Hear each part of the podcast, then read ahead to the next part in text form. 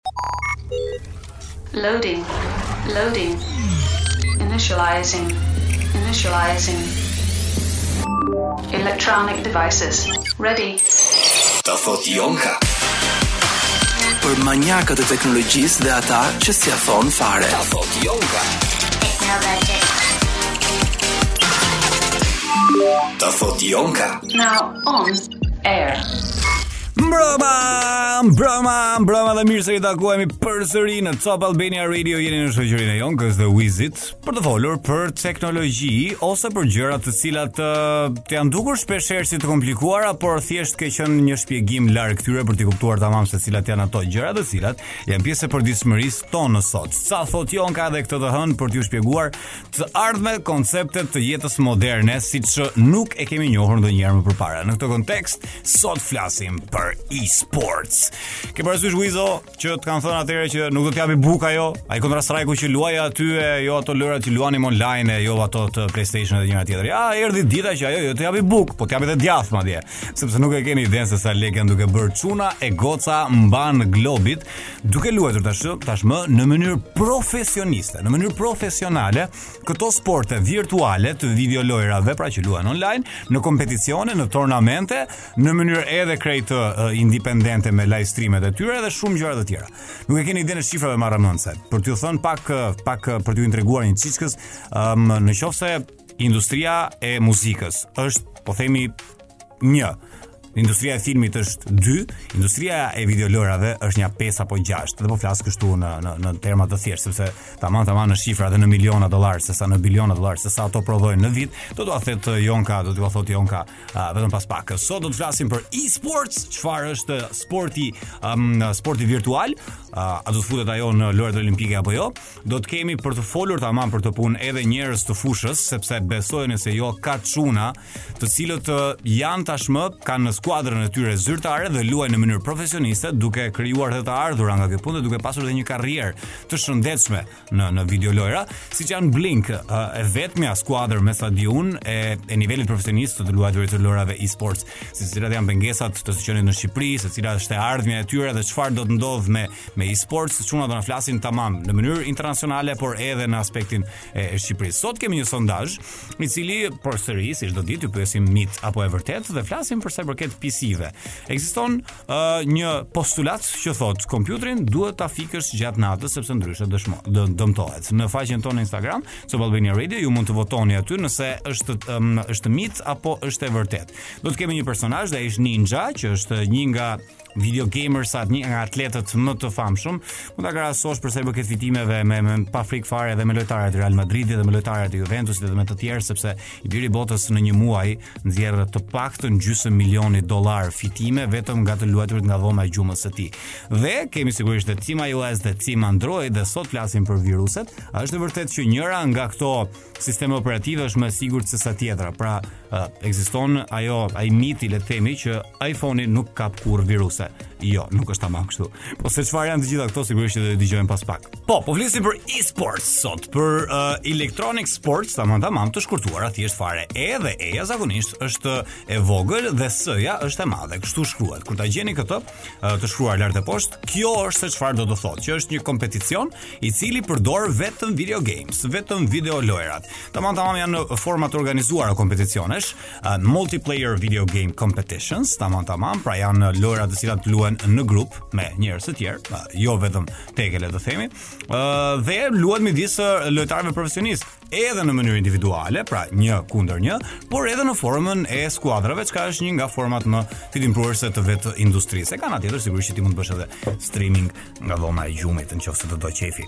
Okej, okay, po flasim për një lloj kulture, e cila i ka rrënjët e veta fiks aty tek dashuria e njerëzve për të parë se ç'bëhet në fund të ditës, se kush është duke luajtur. Po ta mbani mend, Kur kemi pasur ato internetet e lagjes, dhe flas këtu edhe me çunat dhe me gocat që po na dëgjojnë, shkonim zakonisht edhe pse ndoshta nuk do luanim ne vet, shkonim dhe shikonim se çfarë misioni ishte duke bërë shoku, shoku ngjitur ose ai më i shkathi apo më e shkatha e, e, e lagjes, se çfarë i bënin gjërat në Counter Strike dhe e shikonim kjo dëshira, pikërisht kjo, ky element fare i thjeshtë është e gjithë baza ku bazamentohet e gjithë kjo industri marramendëse, shifrat e të cilës shkojnë, fu, nuk e keni idenë se sa lart shkojnë, se sa lek nxjerrin ato.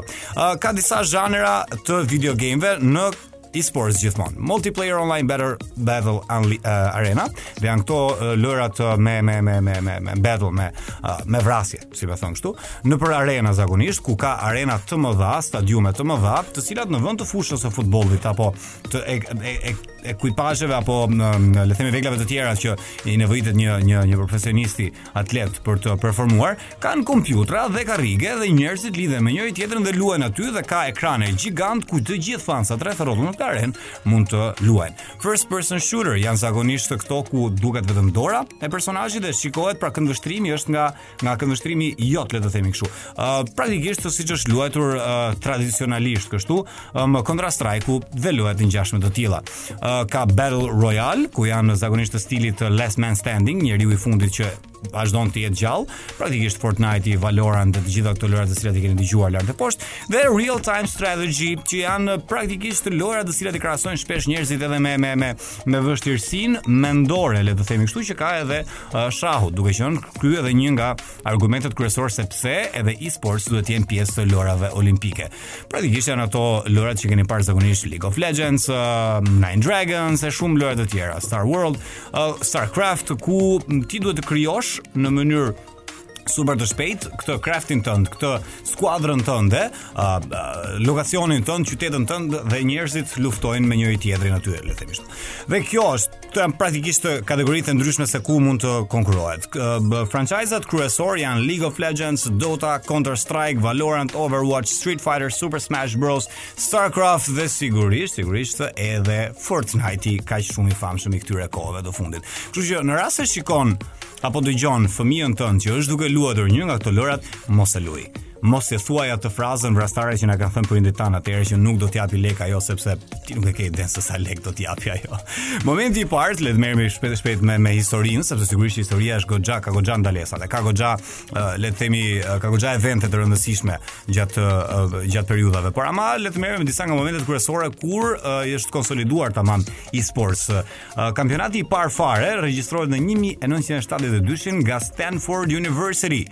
për një lojë të quajtur Space War, ku Stanford University ftoi studentët e vet që të luanin uh, përpara të gjithë audiencës një lojë, pra këtë lojë të quajtur Space War, dhe fituesi do të merrte jo më shumë se sa thjesht një abonim tek uh, revista Rolling Stone e asaj kohe. Më pas një moment shumë i rëndësishëm ka qenë diku në Kore dhe në mos gaboj në fillimin e viteve 2000, kur vetë qeveria e Kores, uh, e Kores uh, së Jugut, jo ajo e Veriut.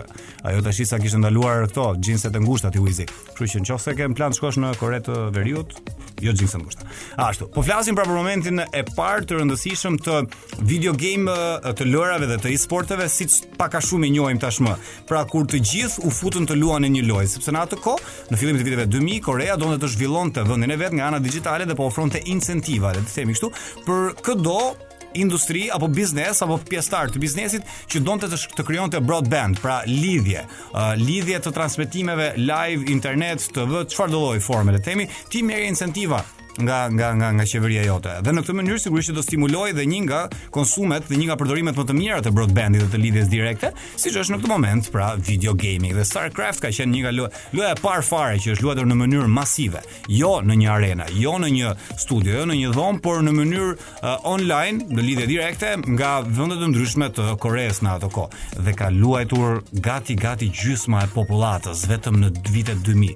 E sa mbrapa jemi DJ Wizi. Ndërkohë që në 2010-ën pastaj shënohet si një nga momentet më të rëndësishme për sa i përket anës gjenerale se si videolojrat um, arritën një nivel që s'ish menduar kurrë ndonjëherë, sepse në 2010-ën, jo vetëm për videolojrat, po për çfarëdo lloj konteksti tjetër arrinte njeriu që të bënte streaming nga dhoma e gjumës e gjumit të tij, me anë të një kamere të vogël të cilën e lidhte te kompjuteri i tij, duke e ngarkuar ato videot ose ato videot live menjëherë në në në në platformën YouTube apo në platforma të tjera që ekzistonin, por nga ana tjetër dhe për të bërë këto video telefonata, le të themi, koncepti primitiv fare i Skype-it dhe duke qenë se kjo lloj gjëje u krijua, pse të mos luanin edhe lojra në mënyrë në, në lidhje direkte në 2010-ën kjo.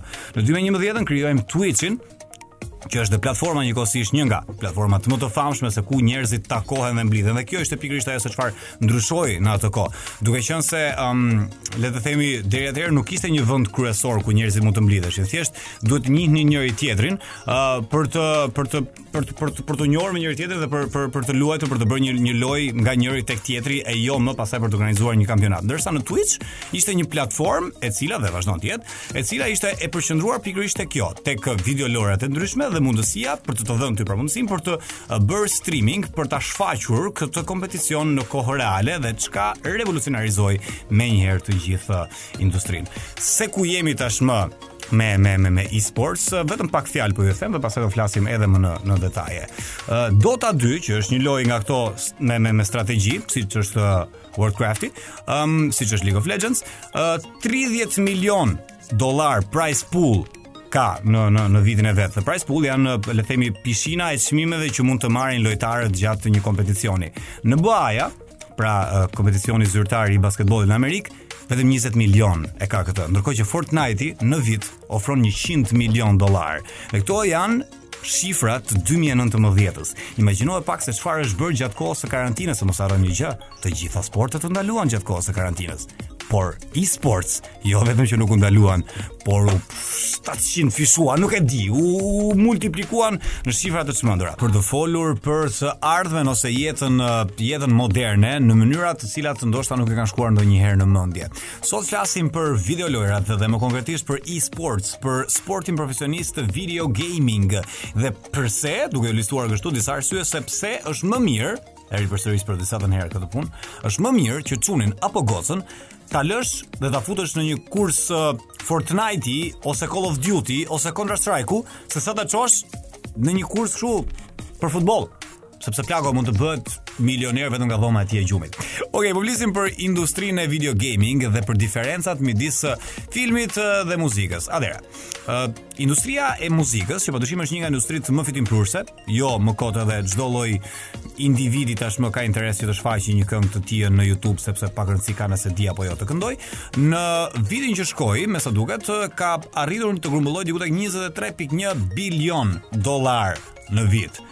Ndërsa industria e filmit ka grumbulluar në në shifrën në vitin e vet më të mirë le të themi sepse ok ky vit i fundit që lamë pas nuk ishte viti i saj më i mirë sepse dhe kinemat patën goditje goxha të madhe 136 bilion dollar arriti të grumbullonte në 2018 sa thua ti Wizi ka grumbulluar i gjithë industria e video gamesave e video gaming në 2020. Pa ardhur pandemia, pa ardhur fare pandemia. 152 bilion dollar plako, që ka, le të themi në një hark kohor shumë më pak kohë ekzistence se sa kinemaja dhe muzika. As 20 ose qameti 30 vjet ka që ekziston në formën e vet të, të, të mirë organizuar, le të themi, dhe deri tash ka arritur një shifër të tillë dhe në fillim të 2020-s kjo, pa e mos e mos ngatërrojmë gjërat. Pa hyrë ende pandemia në një kohë kur uh, të gjithë e kemi menduar ta blejmë një PlayStation. Të gjithë e kemi menduar ta blejmë një kompjuter se çfarë do bëjmë vëlla, karantinë, do rrimë brenda, do luajmë një lojë këtu, një lojë aty dhe mos harroni që Call of Duty unë jam shumë i bindur që të paktën 3 nga 5 shokët e tu ose shoqet e tua e luajnë atë Call of Duty. Ndonjëri një çik më pak, ndonjëri një çik më shumë dhe kjo është thjesht fare statistika e rritjes dhe se ku është tashmë në në në në, në periudhën e pandemisë bota e videolojërave dhe çfarë thotë kjo pastaj për mënyrën se si gjërat do të zhvillohen. Ka një arsye të vetme sepse um, e-sports kanë shpërthyer. Dhe ajo është pikërisht shikuesit. Shikues, shikues, shikues dhe shifra marramendëse të çmendura shikuesit. Shikuesish. Uh, sigurisht që mënyra se si edhe kompeticionet e tjera sportive e, e krijojnë ekzistencën e tyre ose e, e, e suportojnë le të themi nga ana ekonomike nëpërmjet fansave sigurisht duke i shitur atyre merchandise, duke i shitur atyre objekte të të të, të skuadrës, duke duke i, i mbajtur aty ngulur pas ekranit pra pak fjalë duke u shfaqur reklama atyre. Por nëse sporti tradicional apo një event nacional ishte i kufizuar le të themi në katrorin e atij stadiumit dhe më pas në në në kontrata ekskluzive transmetimi në TV të caktuara dhe pastaj pjesa tjetër ishte pirateri, Tashmë, me anë të internetit, ti mund të jesh duke luajtur në Kamëz dhe ai tjetri të ndjek nga Brazili. Çka do thotë se nuk ka kufizime për për për për numrin e biletave apo për shikueshmërinë. Okej, evente të caktuara, pastaj kanë ato specifikat e veta. Por le të themi kështu që mjafton ai shikimi jot Ai ai tek klikimi jot aty dhe ka një rëndësi marramëndëse. Çka tregon në fakt edhe se sa rëndësi ka shikimi jot edhe në të gjitha ato planet, gjërat, materialet që nuk të pëlqejnë sa herë që shikon median apo TV-në apo radion për njërin tjetrën.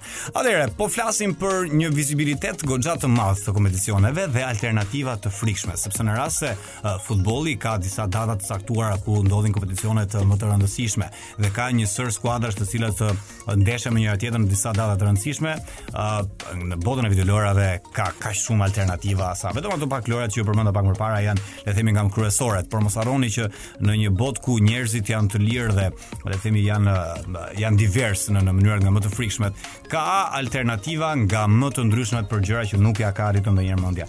Dhe mënyra se si uh, ata mund të krijojnë, ata mund të krijojnë të ardhurat e tyre, ka forcë të tilla. Uh, me mend dhe nga dhoma e gjumit, njeriu sot mund të krijojë një karrierë të vetën krejtësisht të suksesshme dhe madje goxha fitimprurëse në rast se interesohet të shkojë të bëjë një karrierë profesionale në video gaming, ndryshe quajtur dhe e-sports, që është dhe tema kryesore e Ça thotë Jon Ka sot. Sot flasim për e-sports dhe faktin që uh, ka ndryshuar goxha gjërat. Nga ai momenti kur deri dje na thoshin që nuk do të japi bukë kjo gjëja, kjo kjo kjo ndeshja në Counter Strike që je duke bërë ti sot, deri në momentin që ne sot kemi FIFA-n dhe shtete si Anglia për shembull, të cilat kanë ligat e veta zyrtare në e-sports.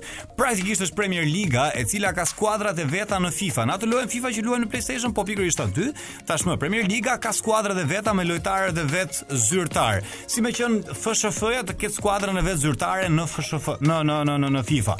Uh, kaq serioze janë duke bërë gjërat. Nëse nuk ju bind kjo, Janë universitetet në Kinë të cilat tashmë mund të të japin një master në gaming. E nëse s'të mjafton kjo ti Wizi, janë universitetet që sot, universitetet nëpër botë japin bursa të plota për të të pasur ty pjesë të skuadrës së tyre zyrtare. Si se siç e fitonte dje bursën njeriu në universitetet amerikane nëse luante futboll mirë, sot mund ta fitojë nëse luan Dota mirë, nëse luan Counter Strike mirë, nëse luan Fortnite, nëse luan lojëra të ndryshme. Domthon, për sa i përket titujve nuk jam fort i sigurt, por Pra në qoftë se ti je një një një gamer, le të themi. Sa i përket mënyrave të grumbullimit të parave siç thamë, janë ato kampionatet, janë sigurisht sponsorizimet me anë të uh, le të themi të, të kompanive të ndryshme, të cilat të ofrojnë që nga uh, clearingu deri edhe tek uh, le, edhe tek tek shifrat monetare, por janë nga ana tjetër dhe një një aspekt shumë i rëndësishëm në momentin kur njëri nga anëtarët e skuadrës apo një video gamer, një lojtar profesionist i lojrave bëhet një yll, le të themi, uh, ka mundësinë e tij që të shkojë në Twitch, të shkojë në YouTube Gaming, në Facebook Gaming dhe të bëjë eventin e tij, duke ftuar njerëz të ndryshëm të luajnë ose duke thjesht luajtur duke mjafton që të luajë. Dhe nga vëmendja që ai do të gjenerojë, pra nga views-at të cilat do të rriten, do të fitojë lekë. Pra praktikisht imagjino sikur Cristiano Ronaldo të shkojë në orën 3 të mëngjesit dhe thotë do bëj një ndeshje tash. Ku do i gjente njerëzit e tjerë? Ndërkohë që Ninja, që është një nga më më të famshmit në botën e, e kësaj industrie, futet dhe thotë unë do të luaj filan lojë në filan orë, futuni dhe më ndiqni. Dhe çfarë do orari, në çfarë do lloj orari që ai ta bëjë atë punë do të ketë ndjekës sepse uh, mos harrojmë edhe një herë atë që folëm pak përpara. Mënyra se si mund të shtrihet ky lloj eventi në këto kohë tashmë është përtej stadiumeve tradicionale që është luajtur një sport i caktuar. Dhe ka sigurisht fansa të çmendur skuadrash. Pak përpara po flisja uh, në fakt edhe me çunat e Blinkut në në lidhje me me me me, me momentin e parë ku un jam ndeshur me me këtë uh, zjarrin që fansat kanë. Takoj një mik një një një djalë në në Rom i cili ishte nga Brazili dhe më thot që kishte bluzën e tij, siç mund të ketë dikush bluzën e kombëtares, të Dota dyshit. sepse në Brazil nuk e keni idenë se çfarë bëhet sa i përket uh, video video gaming. Dhe kur mora vesh dhe Petronas dhe Mercedes-Benz kanë investuar në video game dhe në do, kanë skuadrat e tyre zyrtare në Dota 2 Petronasi. A e kupton çfarë është duke ndodhur Wizi? Po është praktikisht është është është është tamam siç siç ka Jeep Juventusin apo siç ka nuk e di kush ka PSG-n se nuk më ka interesuar ndonjëherë futbolli, më shumë tek video gamesat. Dhe për t'ju për t'ju bindur edhe më shumë ka uh, njerëz të famshëm si Michael Jordan dhe Drake, të cilët kanë investimet e tyre në industri. Dhe më saktë fare, Drake-u është një personazh shumë uh, i njohur në këtë botë, le të themi, dhe është nuk është i vetmi këngëtar, uh, një tjetër reper i quajtur Logic, po ai Logic-u për ju që e njihni, i cili ka thënë që do e lër tashmë karrierën e tij të muzikës dhe ka në plan që t'i futet me kokë dhe në mënyrë serioze industrisë së video gaming, sepse i biri i botës ishte shumë i suksesshëm sa i përket go-kartit. bënte koncertet e veta dhe i ftonte edhe njerëz ose artistë me cilin do të bashkëluante, të luanin go-kart. Dhe me të parë që kishte goxha vëmendje nga kjo punë tha unë lash muzikën, nuk do merrem me muzikë, do bëhem një full-time professional e-sports player. Dhe Players Lounge është një moment shumë i rëndësishëm për cilin do doja që t'ju uh, që ta keni vëmendje, të gjithë ju çuna që luani uh, Call of Duty e luani kështu lojra të tilla. Do jua sugjeroj të hidhni një sy kësaj kësaj kësaj faqe, se luani që luani në mënyrë krejt amatore dhe në mënyrë kështu krejt për qef, just for fun. Players Lounge është një nga këto platforma të cilat të ofrojnë që të bëhesh pjesë e kompeticioneve dhe fitosh. 10 dollar tu, 10 dollar aty. Dihet, nesër mund të jesh talenti i ri i kësaj pune dhe një gjë që është edhe më e rëndësishme, kjo lloj pune, ky lloj sporti nuk ka moshë. Nëse në një sport tradicional vijnë të 35-tat, qameti të 40-tat dhe ti skarcohesh, në e-sports nuk ka moshë. Dhe padyshim kjo është një nga arsyet kryesore pse unë ua sugjeroj të gjithëve që ta provojnë së paku një herë, se nuk i dihet, mund të jetë talent i pazbuluar. Rinse and Repeat, kënga që do të dëgjojmë tash, përzgjedhje e Wizit. Ju jeni në shoqërinë e Jonkës, këtu në Ta thotë Jonka, pas pak do të hyni në do të hyjmë në lidhje direkte edhe me me çunat, madje do kemi këtu në sport, në në studio çunat e Blink. Do të kemi Olgerin, i cili është menaxheri i kësaj skuadre, për të kuptuar ju se ku është edhe Shqipëria në këtë në këtë drejtim, por edhe ku është edhe gjithë bota. Ta thotë Jonka, do të na gjeni çdo të hënë nga ora 8 deri në orën 10 për të folur për koncepte, jo vetëm të teknologjisë, por për mënyrën se si e tashmja është duke ndryshuar në mënyra të cilat ne nuk nuk para i ndjejmë dhe duhet dikush si Jonka që të vijë t'ua shpjegojë këtë. Sot e kemi kapur me e-sports, me me me sportin elektronik, nëse mund ta përkthejmë tamam tamam. Po flasim për të të luajtur në mënyrë profesioniste video gaming. Dhe padyshim që ka kjo lloj industrie dhe yjet e veta. A ka yje? Ka yje pafund, po nuk do i hyjmë asaj pune sepse do donim fort që edhe t'ju mbanim uh, në lidhje, edhe juve që jeni duke dëgjuar dhe që ta kuptoni tamam se për çfarë bëhet fjalë. Dhe sigurisht që edhe sot ne kemi një personazh për t'ju frymëzuar, si çdo mbrëmje, duke marrë një një, një personazh dhe duke treguar pak a shumë për gjërat kryesore të jetës së vet dhe um, për për t'ju thënë nga ana tjetër se ai fëmija jot i cili luan nga dhoma e gjumit mund të jetë nesër ninja i radhës, sepse ninja është emri i i personazhit që kemi zgjedhur për sot. Sigurisht ai nuk quhet Ninja, po ky është emri që ka zgjedhur për të luajtur sepse kjo është një nga rregullat ose një nga pjesët e komunitetit ku ti shkon dhe ke një alias tëndin, ke një personazh të krijuar, ke një emër tëndin, një username. Siç e shkruanim atëherë, o oh, Wizi, si ke pas emrin Counter Strike ku ke pas luajtur? E mban mend? Nuk e mban mend, ha? Ja. Më gënjeve. Po ke luajtur Counter Strike besoj apo jo? Ja? Po si e ke pas emrin nuk e mban mend, a? Unë mbaj mend që Unë mbaj mend që kam pas një emër krejtësisht idiot, kasapi, se s'kam pas një kështu, një herë një El Gringo Loco, po nuk bënim atëherë me me me çuna. Dhe ky djali quhet Richard Siler Blevins, i 91-shit, pak, aq fare më i madh se unë i biri botës, por me aliasin e tij online të quajtur ndryshe Ninja. Është një djalë i cili është një streamer tamam tamam tamam, por një professional gamer, një djalë nga Amerika, do të thotë. that goes without saying. Luan në në, në Twitch, në YouTube e në çfarëdo lloj platforme dhe kjo është një nga mënyrat kryesore se si ai arrin të bëjë të paktën në 6 shifra pra gati gjysmë milioni dollarësh çdo muaj, uh, vetëm duke luajtur nga dhoma e gjumit e gjumit të tij. Ai ka qenë në në në në vitin 2009 për herë të parë kur vendosi që të largohej nga shkolla e tij dhe të ta linte futbollin sepse luante futboll në atë kohë dhe të futej të luante për Halo 3, Dhe avash avash mori goxha famë, sidomos kur në 2017 vendosi që të futej tek Fortnite Battle Royale, që ishte njëkohësisht dhe viti kur Fortnite-i uh, gjeneroi goxha vëmendje dhe mori dhe goxha uh, shikueshmëri, jo vetëm nga fëmijët që luanin, por edhe nga nga, nga njerëzit profesionistët dhe një nga eventet më të rëndësishme ka qenë në mars 2018 kur ai luajti Fortnite së bashku me Drake, Travis Scott dhe një personazh tjetër të cilin nuk e njoh. Po mjaftojnë këta të dy për të treguar se sa e rëndësishme është pra, se sa influencë ka, sepse okay, Drake-u dhe Travis Scott-i munden edhe të luajnë për qejfin e tyre nga dhoma e shtëpisë.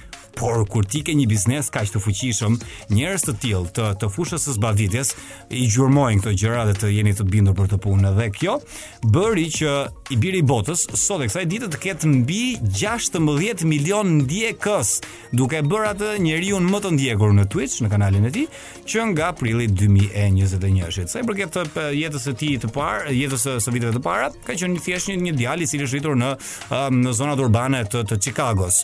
Bëri një bëri shkollën e vet dhe dikur tha që unë nuk dua të të të bëj një profesion pra nga këta konvencionale serioze, dua që të jem një një një video gamer profesionist dhe u fut kështu në turnamente dhe u bashkua pastaj edhe me organizata profesionale. në një kohë që edhe le të themi industria ishte në fillimet e veta dhe ende nuk ishte krijuar, ende nuk ishin uh, krijuar këto team owners ato ose këto kompani të cilat kishin uh, uh skuadrat e veta. Ai ka luajtur për disa uh, për disa uh, uh team owners të ndryshëm nga Cloud9, Renegades, Team Liquid, e Luminosity Gaming. Emra të cilët unë s'e kisha idenë, po po lexoj që t'i dini për ndonjë që është i thekur i kësaj pune. Uh, I famshëm për PUBG-n. Pra do lojën që luajnë çunat dhe ulen te lokali i lagjes dhe ka secili nga një telefon në dorë ë uh, um, PUBG në atë lojën që që që luajmë edhe edhe ne sot i famshëm në këtë platformë e më pas kaloi nga kjo tek tek Fortnite e aktualisht në momentin që flasim luan çfarë t'i dojë qejfi harrova t'ju thoja që ai eventi me Drake-un dhe Travis Scott-in arriti të kishte gjatë kohës që ishte duke u shfaqur pra turnamenti pra live njerëz diku tek 635000 ndjekës Shifra të frikshme. Um, dhe po flasim për një djalë i cili sot sipas statistikës së fundit arrin të gjenerojë gjysmë milioni të ardhura në muaj. Ai ka pasur kontratat e veta së pari një herë me Twitch-in, por më pas u largua duke shkuar tek Mixi i Microsoft-it, duke qenë se edhe Microsoft-i sigurisht si një kompani, një nga këto kompanitë big tech le të themi, do i shtrinte dhe ajo tentakulat e veta në industrinë e e-sportit, krijoi një platformë të vetën të quajtur Mix. Uh, Mix ose Mixer, mos gabofsha. E më pas djali u largua nga nga nga kjo sepse vetë platforma u mbyll, duke i mbaruar edhe kontrata kështu dhe krejtësisht i lirë për të shkuar ku t'i donte qejfi. Ai u fut në në në, në Twitch vetëm këto kohët e fundit duke firmosur kështu një kontratë disa vjeçare dhe duke luajtur vazhdimisht ende sot e kësaj dite vetëm nga dhoma e gjumit të tij. Ai është tashmë një celebrity i cili është shfaqur në boll seriale të famshëm të Amerikës, nga Family Feud nga Celebrity Family Feud dhe në shumë uh, vende të tjera dhe nga ana tjetër një nga arritjet më të mëdha është fakti që në ESPN Magazine që është revista më e famshme e, e, e sporteve në Amerikë në 2018 në shtator 2018 i biri botës ishte në faqen kryesore të kësaj të kësaj reviste dhe kjo është padyshim një fitore për vetë Ninjan por edhe një fitore për të gjithë industrinë e video gaming, e cila nuk e di a e thashë pak më përpara, por ka që në 2017 që diskutohet se do futet në lojërat olimpike dhe me shumë mundësi, siç po e flisja pak përpara edhe me Olgerin, uh, do do futet. Do futet se janë kaq shumë njerëz që e ndjekin, të cilat secili klikim, secila ndjekje e tyre përkthehet në para. e do i thonë jo ata të lojërave olimpike këtyre parave. Sigurisht që ka nevojë për rregullimet e veta, ka nevojë për ato rregullat e veta, ka nevojë për um, le të themi strukturimet e veta, por do të vijë një moment që do t'i shohim në lojërat olimpike edhe e-sports. Përderisa është shahu aty në lojërat olimpike, ti Uizi si mund të mos jetë e-sports. Top Albania Radio, tek ta thotë Jonka, çdo të hënë nga ora 8 deri në orën 10 dhe sot kemi folur për uh, sportet elektronike, tamam tamam dhe çfarë është të luash profesionalisht për to. Ë uh, dhe tamam tamam për t'ju bindur juve që ardhmja është tashmë teknologjia dhe ardhmja është tashmë video gaming. Un kam Olger Carën nga Blink Team Olger. Çfarë bëhet më? Përshëndetje. Si të kam, e me zërin që kemi goxha lart. Mirë. Uizi. Se janë trajnuar çunat se luajnë me njëri tjetrin. Po po, gjithkohë online, domethënë.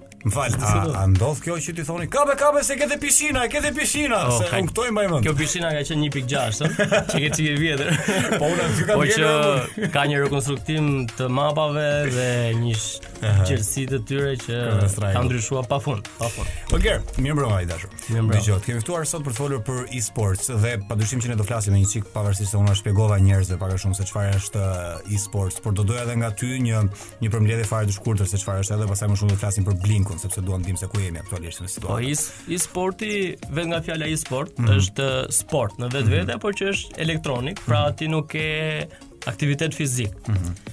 uh, të mirëfilltë, sepse aktivitet fizik ti ke, do lëvizësh duart, mm -hmm. trupin, gjatë gjithë kohës, por mm -hmm. je në karrige, mm -hmm. por në vetvete quhet Lojëra e mend, mm -hmm. e mendjes. E mendjes, siç është po, shahu, siç janë këto lojëra le të po, themi këtu. Po, por gjithsesi është sport domethënë. Mm -hmm. E-sporti është siç e thamë sport, mm -hmm. uh, ka në përbërjen e vet ka profesionista apo gjithashtu edhe amatora, uh -huh. të cilët uh, mund të formojnë një ekip ose dhe solo, por në vetvete është kompeticion. Mm -hmm. Pra si çdo sport tjetër. Një gjë që mua më pëlqen nga nga gjithë komuniteti i video gaming është fakti që është kaq gjithëpërfshirës. Praktikisht do hyja të thellave t'ju shpjegoja për mënyrën se si është duke ndërruar dhe mënyrën se si në në Formula 1 futen tashmë njerëzit dhe zgjidhen pilotët dhe me anë të simulations, por nuk do i hyjmë asaj pune. Por kjo është një gjë që e prek edhe ti dhe është shumë e bukur. Fakti që sot edhe ti si si amator mund të bëhesh pjesë e kësaj pune dhe nga laptopi jot ti mund të bëhesh një yll. Ndoshta nga laptopi jo. Jo, se duhet po nga pisia. Duhen ca kushe, okay. po nga pisia, patjetër, po çdokush si amator nis, sidomos në e-sport. Mm -hmm. Por në qoftë se je i denjë për këtë punë, ti do vihesh re diku. Mm -hmm. Pra do të të pikasin, do të të shikojnë. Mm -hmm. Sepse e-sporti ka edhe diçka që ti mund të biesh në sy nga ana e thjesht ta luash lojën. Mm -hmm. Edhe nga platforma të cilat ta mundësojnë ty ta luash lojën. Mm -hmm Uh, sidomos në CSGO, sepse unë më specifikisht mund të të flas më shumë për CS:GO se sa për e-sport në përgjithësi. CS:GO për ju që më dëgjoni është Counter Strike. Është Counter Strike Global Offensive, e cila është uh, update-i më i fundit i mm -hmm. Counter Strike-it. Besoj se shumica mund t'i ngjallë ndonjë nostalgji uh, nga dëgjuesit i 1.6-s. Mm -hmm. Ajo është loja që ne mund ta kemi luajtur më shumë Në mos gjenerata jonë Fraza e ke te pishina E ke te taraca oh. E thera e bëra dele. O dele. Po po po. po. Këto kanë qenë emocionet e para. Kush kush? E hoqa me granatë. Ah, ba ba ba ba. Këto kanë qenë pa dyshim një nga momentet e para që ne kemi rënë. Patjetër, është nostalgji për për ne që po çdo gjë ka evoluar. Mm. Po si çfarë e bën sot njeriun që të jetë tamam një professional player? Çfarë çfarë ndan një amator nga një profesionist sot? një profe... sports në përgjithësi. Një profesionist ashtu si dhe në futboll, mm -hmm. ti ke një orar për të ndjekur, mm -hmm. ti ke një mënyrë ndryshe jetese, pra mm -hmm. nuk është se thjesht ti e luan për qejf kaq orë, mm -hmm. një orë, dy orë. Mm -hmm. Ti ke do i japësh kohën e duhur kësaj loje, ti do trajnohesh në këtë mhm. lojë, do mbash një regjim që ti të bëhesh më i mirë në këtë lojë, ë Pra do i kushtosh kohën tënde, mm. jetën tënde. Të kërkon edhe të të trajnohesh për këtë punë, po? Patjetër. Kjo është gjë që më më diskuton sa herë që e ndesh. Në çdo gjë në botë, mm -hmm. paktën për mendimin tim është praktika të bën më të mirë. Absolutisht. Kështu që edhe po, në këtë lojë praktikisht, por edhe në në CS:GO. Çfarë konsiston trajnimi? Thjesht orë e orë të vazhdosh me lojë? Nuk janë thjesht lojë që ti thjesht luan dhe futesh të bien X ortak teammate x kundërshtar, por mhm. ke mundësi të ndryshme duke filluar që nga të shikosh lojërat e të tjerëve, të mhm. marrësh play style-in, të mhm. marrësh mënyrën se si personat e tjerë luajnë, të marrësh pikat kryesore të cilat të shkojnë si ty si play style, të ta praktikosh atë playstyle, mm -hmm. se do ta provosh dhe vetë se a të shkon apo jo. Mm -hmm. Uh, gjithashtu do bashkëpunosh me teammates e tu. Mm -hmm. uh, gjithashtu do trajnosh edhe aimin, se në fund të fundit është Keni click mouse, mm -hmm. click mouse one. Aha. Pra do t'ia kapësh atë kokën kundërshtarit para se të ta kapi ty ai. Kështu që do harxhosh ca orë të bësh, siç e themi në Counter death match. Aha. Pra ti ke kundërshtarë të ndryshëm që vetëm bëjnë respawn mm -hmm. dhe vetëm ti të mundoj po vetëm ngjallen ngjallen që ti, ti të kesh një lëvizshmëri dhe për një afat kohë të shkurtër ti të vrasësh mm -hmm. pra të trajnosh një po, të trajnosh të trajnosh një tjetër mm -hmm. mirë ne do flasim tamam se ç'është një një profesionist por uh, flasim më konkretisht për blinkun që ta marrim edhe si shembull kështu dhe të flasim të, dhe ta kuptojnë ata që na, na dëgjojnë blink team quhen ju Blink Team. Sa kohë keni që e keni themeluar skuadrën? Blink Team ka afërsisht një vit e gjysmë dy vjet. Mm -hmm. Nga kush përbëhet? T'i përmendim dhe çunat, t'i përshëndesim uh, që s'na dëgjojnë. Patjetër dhe që i përshëndesim djemtë. Uh, fillimisht është founder mm -hmm. i, mhm. i Blinkut, i cili është Florid Ismailaj, më pas uh, Team Blinku formohet nga 5 veta mhm. ekzaktësisht, mm -hmm. pra një ekip në fakt në mhm. CS:GO duhet përbëhet nga 5 veta. Është standarde pra. Është standarde mm -hmm. që mhm. një ekip përbëhet nga 5 veta. trendi i ri vit, vitin e fundit më saktë mund të jenë dhe 6 veta ku njëri prej tyre është uh, substitute pra rezervë, por ah, që 5 veta janë ata thelbësorët, uh -huh. uh, si të themi active players, okay. ata të cilët do luajnë.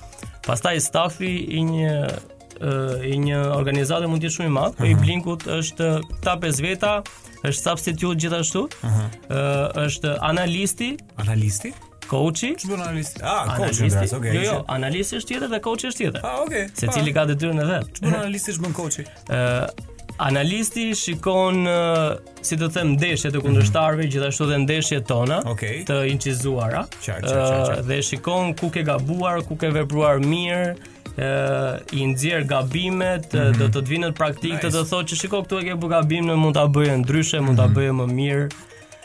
Koçi pastaj është ai i cili ka diçka më shumë se analisti. Mm -hmm. Pra, t'i shikon këto gabime, t'i tregon, mm -hmm. uh, të ndihmon që ti t'i rregullosh, po gjithashtu ka edhe pak anën psikologjike ose mm -hmm. mentalitetin e ekipit. Mm -hmm. Pra, koçi është ai që si... ty do të mbajë të bashkuar. Qartë.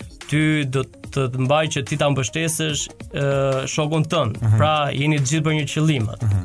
-hmm. Është ai që ty do të mësojë dhe strategjinë gjithashtu. Mm -hmm. E si funksionon më pas uh, loja juaj? Si funksionojnë uh, kampionatet? Gjëra të cilat do t'i do t'i flasim edhe pak më vonë, edhe për mënyrën se si e, e financon veten dhe se si ia mundëson ekzistencën, dhe nga ana tjetër edhe për federatën nëse mund ta quajmë dhe për anën ligjore ose anën e strukturave si janë ato në Shqipëri. Sot flasim për e-sports dhe jemi me uh, Blink Team. Që është skuadra e vetme me di unë, të paktën aktive, sa i përket uh, anës profesionale. Ekipe ka, po. po. Ekipe ka, por organizatë është vetëm Blink. Dhe ju nuk e keni idenë sa i lumtur jam unë sepse mora një bluzë nga nga Blink, po, ku do ta vesh derisa t'i t'i dalë boja, derisa të griset. Nuk i del kollaj. Sidomos për ju që jeni duke na uh, dëgjuar nga radio, jam shumë i bindur që ju pëlqen shumë bluzja. Ë, uh, po, Blinku, Blink Team-i, po flisim për organizimin e saj. Nga po. kush përbëhet tjetër? Team Blink përbëhet siç ta thashë nga 5 lojtarë, mm -hmm. ku secili ka rolin e vet, okay. siç është dhe në futboll. Mm -hmm. Është entry, pra ai që futet i pari. Mm -hmm. Dhe në ekipin tonë është Sener Mahmut, Mahmuti aka mm -hmm. SENER1. Okej. Okay. Pra nickname-i i lojës. Se kjo është gjë shumë e bukur, nickname-et po, janë. Po, nickname-et janë. Fantazia e po, njerëzve po, janë janë gjëra të lezetshme. Aha. Second entry mm -hmm. është uh, Flatron Halimi. Okej. Okay. Aka uh, Juan Flatro wow. sepse ajo Juan është uh, për one deagle, one shot. Okej. Ëh Pastaj kemi lurkerin e ekipit Dionis Budeci. Ç'është ky lurker? Lurker, është ai që të mbron shpinën, si me thënë, ose e kap kundërshtarin në befasi. Wow. Në ato momentet e veta të dobta, të gjen pikat e dobta dhe të sulmon. Hajde, hajde. Po s'diskutohet. Meqë ra fjala e kemi defenderin kështu afër, kështu që defenderi këtu trajnimin e NATO-s. E, aka sinnopsyy? Mhm. Mm edhe kemi edhe snajperistin tonë që na ruan nga larg. Keni një snajperist. Patjetër. Patjetër, pa snajperist nuk bëhet ekipi. Kush është snajperisti juaj? Genc Kolgeci aka GXX. U, uh, çuça. Genc po na pe rrugës inshallah s'na vret. Është i egër. Ky është ky është ky është team-i. Kemi edhe të fundit, i mhm. cili jo më pak i rëndësishëm është truri i ekipit, pra okay. IGL-ja in game leader, okay. është ai i cili të thret kollin e raundit, të thret mm -hmm. se ti çfarë do bësh. Mm -hmm. Është Kujtim Durmishi aka Gulito. Okej, okay, wow. Dhe ka dhe një histori të bukur që do të tregoj Gulito është shkurtimi i Gulinovit. Gulinovi besoj se e din që është armë ushtarake ajo. Jo, s'e kam ide, nuk. Është armë e madhe ushtarake dhe mm -hmm. kur ka qenë i vogël e ka thirrur dhe familja e vet, edhe mësuesit e gjithë Gulinov, domethënë Gulito. Paska qenë Gulito paska qenë i lindur për këtë punë, pra. Po, është prandaj është dhe in game leader, kupton, prandaj është i parë. Pastaj kemi dhe analistin si siç ju thash, Albon Isufin. Mhm. Mm dhe coachin tonë, mm -hmm. uh, Mendja mbi Mendjen. Mm -hmm. Mendja mbi Mendjen. është Klesti Kola aka mm -hmm. Stikle. Ne përshëndesim.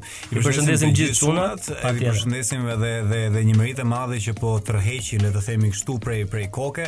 Një industri e cila nuk e keni idenë sa e rëndësishme është për ju që po na dëgjoni dhe nuk e keni idenë se sa e madhe do bëhet, edhe do më kujtoni dhe mua dhe Olgerin për to që po ju themi kur të vi momenti që ta fusni në kurse fëmijën tuaj dhe të shikoni se si mund të bëhet tamam një karrierë.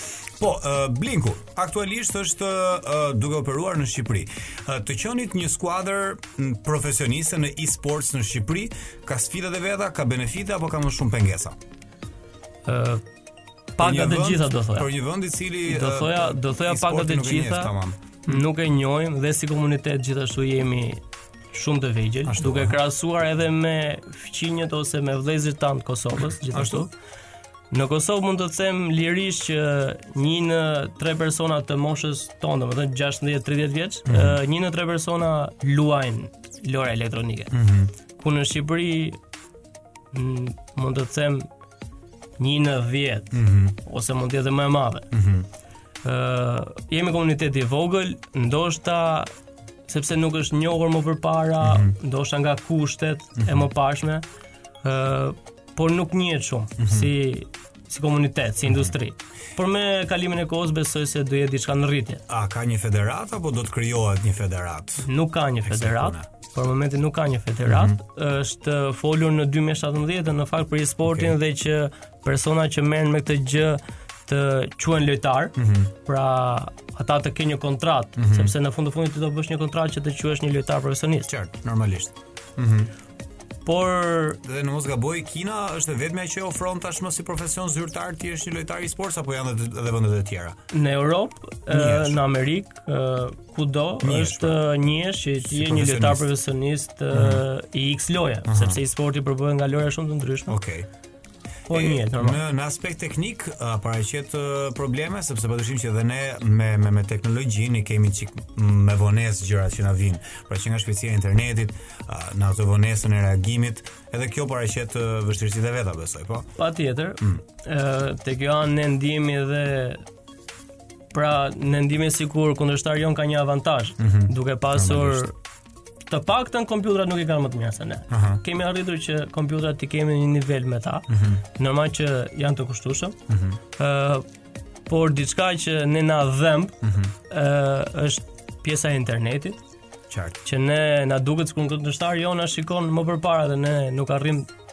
Po pra, pra, po ajo është vëlla. Po shti o burrë, po shtim, po shti vëlla, po nuk po vdes o burrë. Nuk ai ka vrarë 3 sekonda. Del del prapa atje ku ishim më përpara.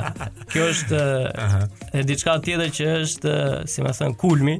Ti të jesh në mes të lojës dhe të të fiken dritat. Jo. Po ai jo, generatori i gjithë skuadrës nuk e nuk e investuar çfarë bëni kështu se latë nam. E dini që Shqipëria tonë e bëri dhe atë. Shqipëria, Shqipëria po. Realisht ndodh edhe kjo punë. Ndodh që që është na ka ndodhur edhe në mes të kampionatit në fakt, faqet e jo. breva, po që të paktën sportmanship ekziston. Aha. Dhe na kanë pritur si organizatorët, si ekipi kundërshtar, na kanë pritur, po fatmirësisht na erdhën shpejt. Po, se po kishte vonuar gjëja, imagjinoj. Do humbnim po. gjëra të mëdha. Normalisht. Nuk do ishim këtu ku jemi.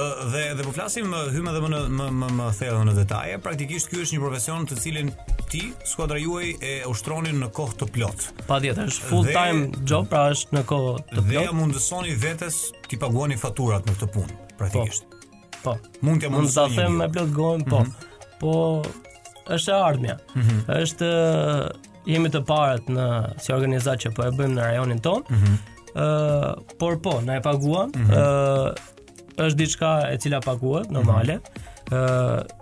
Pjesa kryesore është salary mm -hmm. që ne për momentin e marrim nga Blingu, nga organizata Bling. Po, po gjithashtu e-sporti ë uh, mbështetet nga partnerë, nga sponsorizime, nga mediat, mm -hmm. uh, Gjithashtu dhe ta në mënyrë tjetër të ardhura ti ke kampionate, të cilat ti merr pjesë dhe i fiton. Mm -hmm. Po për të se të kampionate se aty dua të flas tamam edhe më në detaje. Mm -hmm. A a a afrohen kompanitë shqiptare drejt jush? A janë në në, në dijeni të juve dhe jua mundësojnë uh, biznese të ndryshme? Për momentin jo. Jo. Mm. Blingu financohet dhe mbështetet, mm -hmm. uh, vetëm nga Blingu. Mm -hmm. uh, kemi në kemi në Kosovë dy partnerë. Okej. Okay të cilat bëjmë domethënë jersey.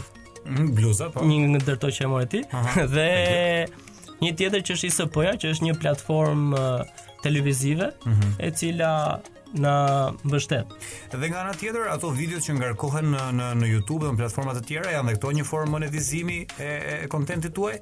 Ëh, uh, jo. jo. Ne nuk përfitojmë diçka nga rrjetet sociale mm. për momentin. Mhm. Mm por në një kohë të dytë kur dhe vizibiliteti të rritet besoj patjetër, patjetër. do të jetë ajo një një formë le të themi ta mundet unë do të armë mundet u uroj sepse edhe vetë jeni të parët që po e bëni këtë punë dhe pa dyshim që rruga do të jetë e vështirë nuk do të jetë e lehtë por do vijë një moment që emri dhe puna jote do të punojë më shumë për ty me kam a jeni një çik mirë me çfarë fjala se si pyetet tamam si jeni me klasifikimet dhe si dallohet ose Tamam tamam, CSGO-ja.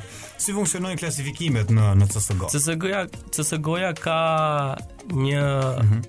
algoritëm ose një faqe, në fakt është web page, mm -hmm. e cila quhet hltv.org dhe mm -hmm. në atë faqe ti mund të shikosh çdo lajm rreth e-sportit, rreth ndeshjeve. Mm -hmm. Dhe aty bëhet dhe klasifikimi. Klasifikimi i tyre. të cilët nga pikët që ti merr kur fiton, kur humb e kështu, ne për momentin jemi te 60-të, por kemi arritur te 50-të në botë para një muaji. Te 50-të në botë. Atë Blinku është praktikisht për ju që u bashkuat tani e para mirëmbrëma. Blinku është e vetmja skuadër zyrtare profesioniste e cila na përfaqëson ne në të gjithë globin. Në Counter-Strike gjithmonë. Po. Dhe po më thoje që ishit në top 50-ën, ndërsa tani keni shkuar në top 60-ën. Pse ratë kështu ju ç'patët? Po sepse në fakt nuk kemi luajtur ndeshje officials. Mm -hmm. Pra që ti të futesh që të marrësh këto pikët mm -hmm. ose t'i humbasësh, ti duhet të luash officials, që ti mund të bësh praktikë dhe gjithë ditën, mm -hmm. po qoftë se këto ndeshje nuk futen në rankime, nuk futen në rankime, nuk të vlen asgjë. Normal që do biesh. Mm -hmm. Ose do ngrihet dikush tjetër dhe ti çar çar çar, normal, absolutisht. Do biesh. Ë uh, mund të shpjegoj që ne kemi diku te 4-5 muaj që jemi ky ekip, pra kjo mm -hmm. pesëshe. Okej. Okay. Dhe ne kemi bërë bootcamp që do të thotë që jetojmë të gjithë në një shtëpi bashkë. Okej. Okay. Hamë bashkë, rrimë bashkë, praktikohemi që është më e mhm. rëndësishmja. Pra ne jetojmë bashkë. Mhm. Mm Dhe këto 3 muaj kanë qenë shumë shumë intensive. Kemi pas mund të them 2-3 ndeshje mm -hmm. zyrtare në ditë. Dhe ky është ai bumi që ne erdhëm nga no-namers mund të them si ekip. Mm -hmm. në top 50 në botë. Okej. Okay. Dhe tani është një moment që ne e kemi marrë disi pauzë mm -hmm. në kuptimin që është një pauzë për të mirën e ekipit, pra ne po për të rritur kështu për, për t'u rritur si ekip tjetrin qartë. Për të luajtur me njëri tjetrin, për mm -hmm. të mhm. pasur strategji më më të mira që nesër pasnesër kushdo që të na dalë para Ta mendojë dy herë. Ta po. pyesi mirë atë. Ta pyesi, po. Ta pyesi mirë B44. Ta mendojë a të futet. B44, e vjetër. Po thashë unë aty kam gjetur. Ë, dëgjo, sa i përket kompeticioneve, aktualisht po flisim për një kompeticion të rëndësishëm që zhvilluat dhe në Kosovë dhe ju dha goxha famë. Po. Ë, Gjirafa. Ë, mhm. Gjirafa është një organizer. Mhm. të cilët edhe ata gjithashtu janë të parët dhe një që kanë bërë një organizim profesionist. Mm -hmm. gjithashtu edhe në këtë kohë pandemie, ata e zhvilluan LAN, pra mm -hmm. në arenë. Pra kur ndodheni aty me po, kompjuterat Po, pra ti me kundërshtarin shikohesh dhe live. Qartë, qartë, qartë. E ke përballë. Si ne, Uizi. Një herë që t'ja hedhësh atë si ne, Uizi, të rënë të pika po, si më vrave. Po e bëra atë pastaj do dalësh jashtë. Kartoni kur direkt. Aha. Dhe ne dolëm fitimtarë aty. Mm -hmm. të paktën për rajonin ne jemi më të mirë. Okej. Okay. Gjithashtu edhe në Ballkan ne kemi vërtetuar që jemi më të mirë. Mm -hmm. Dhe jemi gjithmonë dhe ambiciet tona rriten çdo ditë për më shumë. Absolutisht. Ne po shpresojmë për në Europë edhe. Më uroj që të jetë. Kush janë më të mirët e kësaj pune? ku a ka një farë demografie shpërndarje praktikisht pra po, një shtet i cili është si, avancuar. Si ide në fakt e-sporti gjithmonë vendet skandinave kanë qenë më lart. Uh -huh. Pra Suedi, Danimarkë, uh -huh. sepse për mendimin tim është kjo ideja që ata nuk kanë ditë. E kanë pas, e kanë dhe do rrish brenda, do luash, mm -hmm. do bësh. Mm -hmm. uh, por për momentin gjithashtu Franca edhe Rusia në fakt ka në top 10 në mos gaboj 3-4 ekipe. Mm -hmm. Wow. Pra është rritur shumë 2-3 vitet e fundit. Më përpara Suedia, Danimarka kanë qenë ato që zinin të paktën 3-4 vendet e para. Mm -hmm.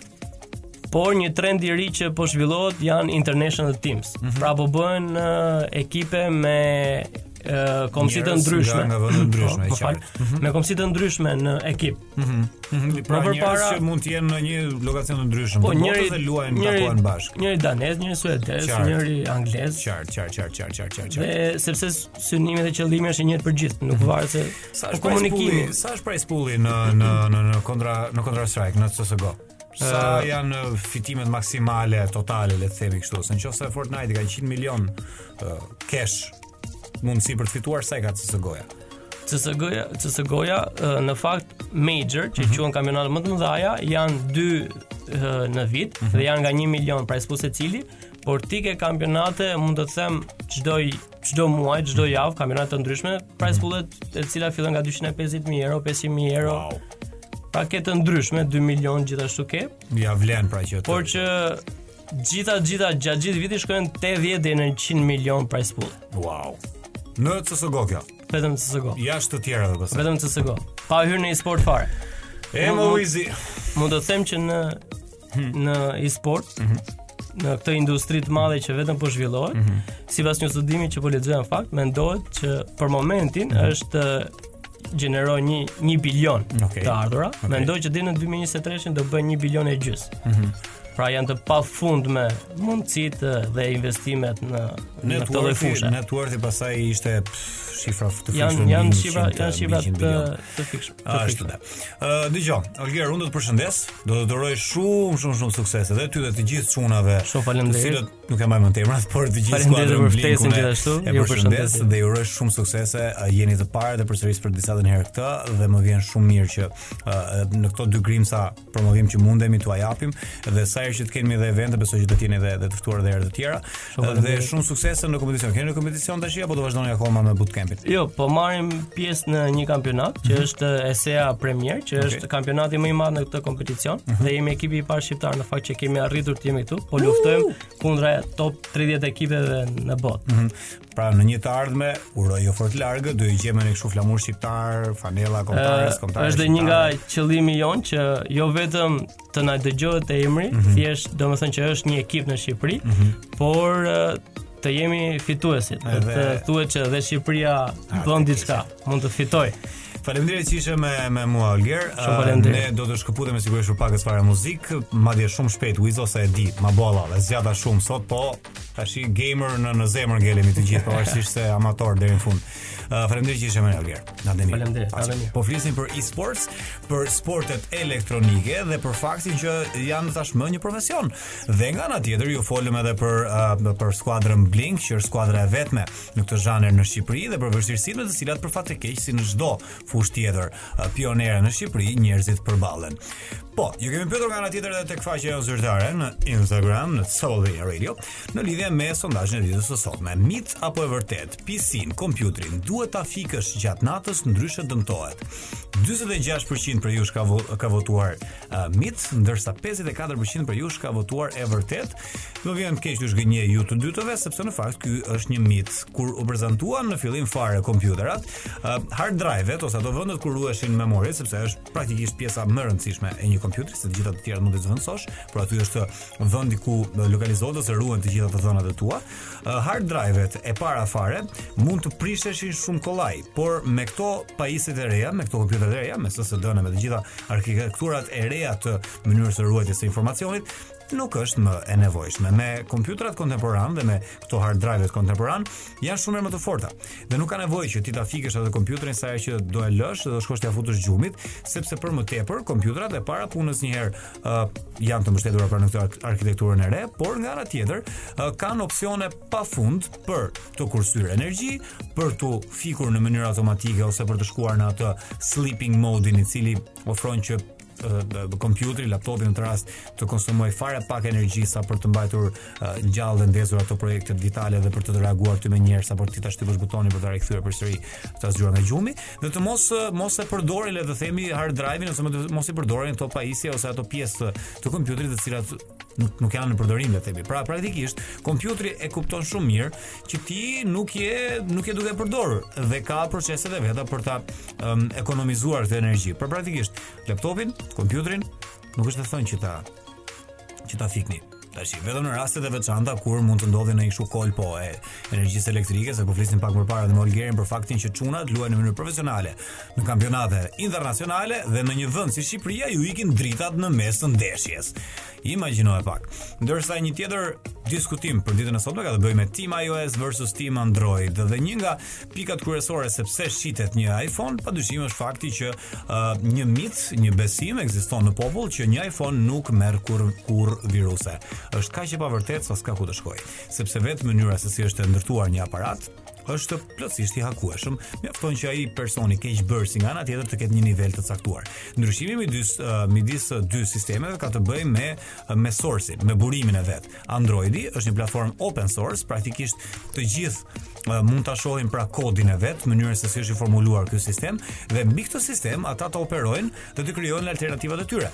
Pastaj sigurisht që tek Samsungu, tek këto kompani të mëdha, sigurisht është Google-i që i licencon atyre dhe kanë një sërë rregullash që duhet të ndjekin, ndërsa ne të tjerët që krijojmë një aplikacion duke bazuar tek arkitektura e Androidit, jemi third party creators ose developers, zhvillues të tjerë, të cilët thjesht e kopjojmë këtë kod dhe kur ky kod është vizibël dhe publik për të tjerët, është fare e thjeshtë që ti të krijosh një virus që mund ta dëmtojë këtë sistem. Por kjo nuk do të thotë që uh, Google-i apo Androidi nuk ka sistemet e veta të fuqishme, goxha të fuqishme, të sigurisë aktualisht.